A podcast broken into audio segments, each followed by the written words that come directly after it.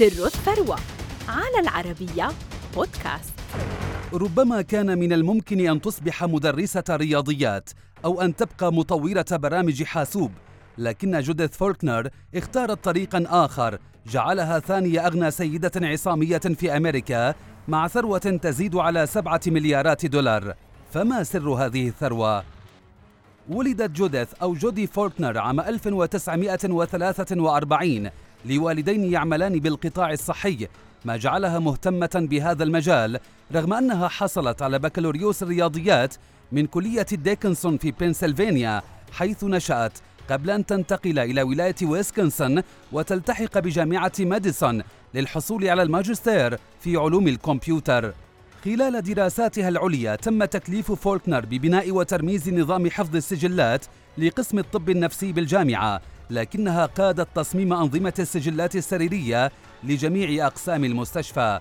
بعد ذلك التقت جوديث مع نحو عشرة مبرمجين آخرين ومديري المعلومات في الجامعة والمؤسسات الأخرى لبدء مشروع في تسويق أنظمة السجلات الطبية. فجمعوا حوالي 70 ألف دولار في عام 1979 لتأسيس شركة Human Services Computing التي أصبحت لاحقا Epic Systems كانت حصة جوديث منها 6000 دولار. جزء منها حصلت عليه من والديها. أصبحت الشركة تنمو بشكل متسارع فمع بداية الألفية وبقيادة جوديث بلغت المبيعات 50 مليون دولار فيما أصبح لديها 550 موظفا واعتبرت أفضل بائع شامل لتكنولوجيا معلومات الرعاية الصحية.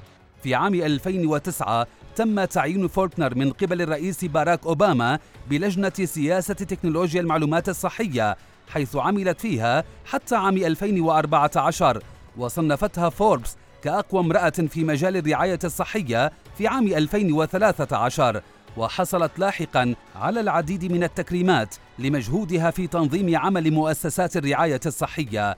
خلال 25 عاما أصبحت Epic Systems تخدم أكبر المستشفيات وأنظمة الرعاية الصحية مثل جونز هوبكنز ومايو كلينيك ما جعلها أيضا تدر إيرادات مرتفعة حيث قدرت مبيعاتها عام 2021 بنحو ثلاثة مليارات وثمانمائة مليون دولار.